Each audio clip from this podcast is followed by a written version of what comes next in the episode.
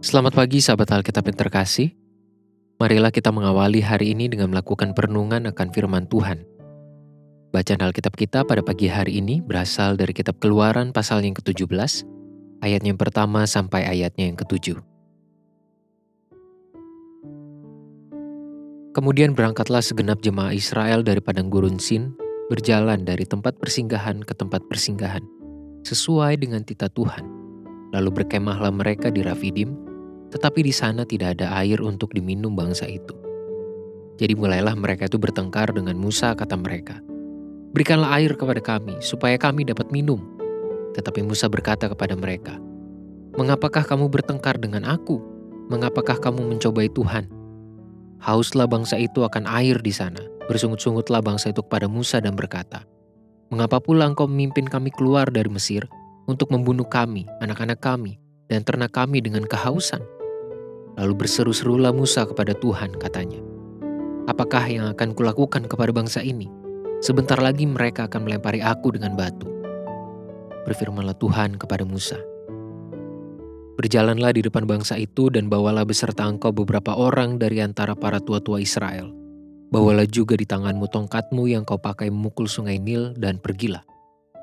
Maka aku akan berdiri di sana di depanmu di atas gunung batu di Horeb Haruslah kau pukul gunung batu itu dan dari dalamnya akan keluar air, sehingga bangsa itu dapat minum.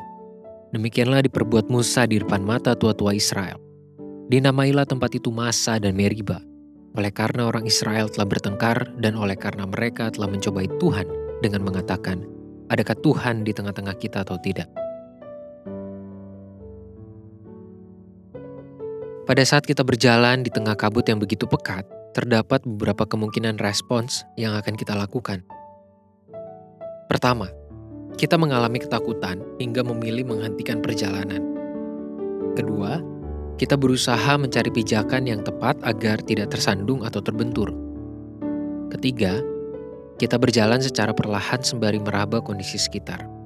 Respons-respons itu muncul karena kabut menghalangi pandangan dan menjadikan perjalanan sebagai misteri yang menakutkan. Pilihan pun berada pada diri kita masing-masing. Kita diajak untuk mencari cara bagaimana menghadapi perjalanan dalam kabut tersebut. Kondisi di atas kurang lebih dialami oleh bangsa Israel ketika berada di masa dan Meriba. Perjalanan yang telah mereka alami bersama Tuhan untuk beberapa waktu lamanya ternyata tidak cukup untuk menjadi bukti kehadiran dan perhatian dari Tuhan bagi mereka. Bangsa Israel sangat mudah untuk melupakan setiap pertolongan Tuhan hanya karena ada masalah tertentu yang muncul dalam kehidupan. Salah satunya adalah persoalan air. Krisis kebutuhan pokok seperti makanan dan minuman bukanlah tema baru dalam perjalanan hidup bangsa Israel. Tuhan pun sudah berulang kali memberikan pertolongan yang membuktikan bahwa kehidupan mereka akan selalu berlangsung dalam penyertaan Tuhan. Sayangnya, mereka sangat mudah untuk melupakan setiap pertolongan tersebut ketika menemui masalah-masalah lain yang sebenarnya tidaklah asing untuk mereka alami. Sahabat Alkitab, pergumulan sering kali menjadi kabut pekat yang menghalangi pandangan iman dan ingatan kita akan pertolongan serta karya kehadiran Tuhan dalam hidup kita.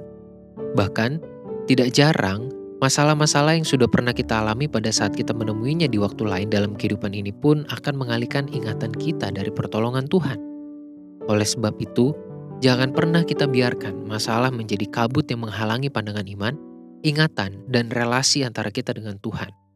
Kita dapat melalui jalan pergumulan itu dengan tetap berharap dan percaya pada tuntunan kasih serta harapan dari Sang Penolong sejati. Marilah kita berdoa.